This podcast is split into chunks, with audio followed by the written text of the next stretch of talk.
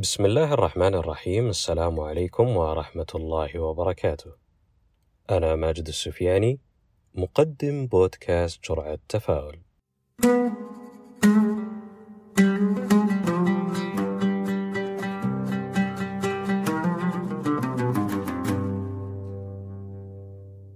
نعيش في هذه الحياة بمواقفها ولحظاتها السعيدة والجميلة والتي نتمنى أن لا تنتهي وأيضا نمر بعواصفها الشديدة ولحظاتها الصعبة التي بعض المرات تفقدنا تماسكنا وتشوش رؤيتنا تجاه الأمور.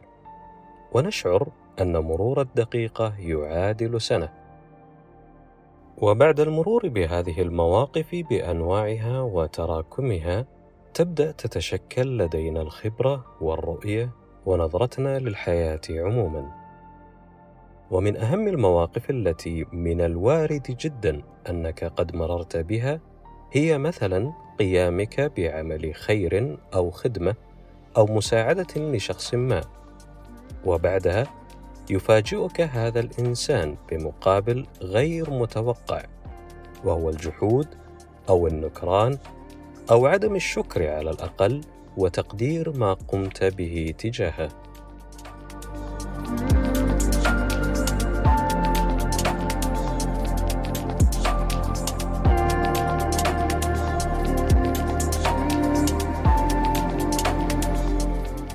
من الطبيعي أن يتسلل إلينا الشعور بالإحباط ممزوجا بالغضب مضافا إليهم الاستغراب وقد تجتمع جميعها في قالب الصدمة والتي تزداد مرارتها كلما زاد حجم مساعداتك وخدماتك ومن الممكن أن تصل إلى أن نطلق عليها اسم تضحياتك لهذا الإنسان.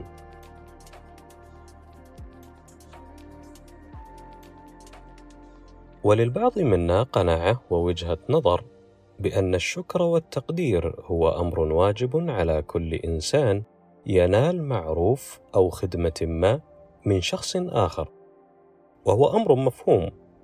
ولكن هل معنى ذلك أن نتوقف عن تقديم الخير وصنائع المعروف بسبب أننا قد لا ننال الشكر؟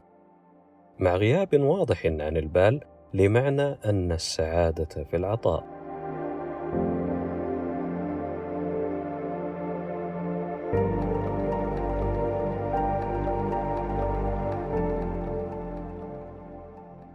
الجحود والنكران أو حتى عدم التقدير أمر طبيعي ولن يزول حتى يزول البشر عن هذا الكوكب. وما أود الإشارة إليه هنا هو أنه عندما تبادر مشكورا لتقديم خدمة أو معونة لا تتوقع الشكر أو الثناء من أحد. إن شكرك أحد فالحمد لله وإن لم يشكرك فالحمد لله أيضا.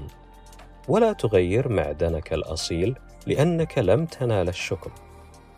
وكما يقول المثل الدارج افعل الخير وارميه في البحر.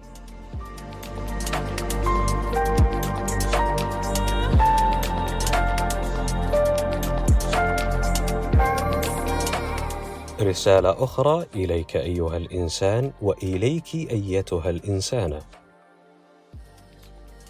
ما الذي سينقص من قدرك وفضلك وعمرك ومكانتك الاجتماعية؟ لو شكرت من أحسن إليك بكلمة واحدة فقط وبأي شكل كان وبأبسط الأمور حتى لو كانت واجبة عليه.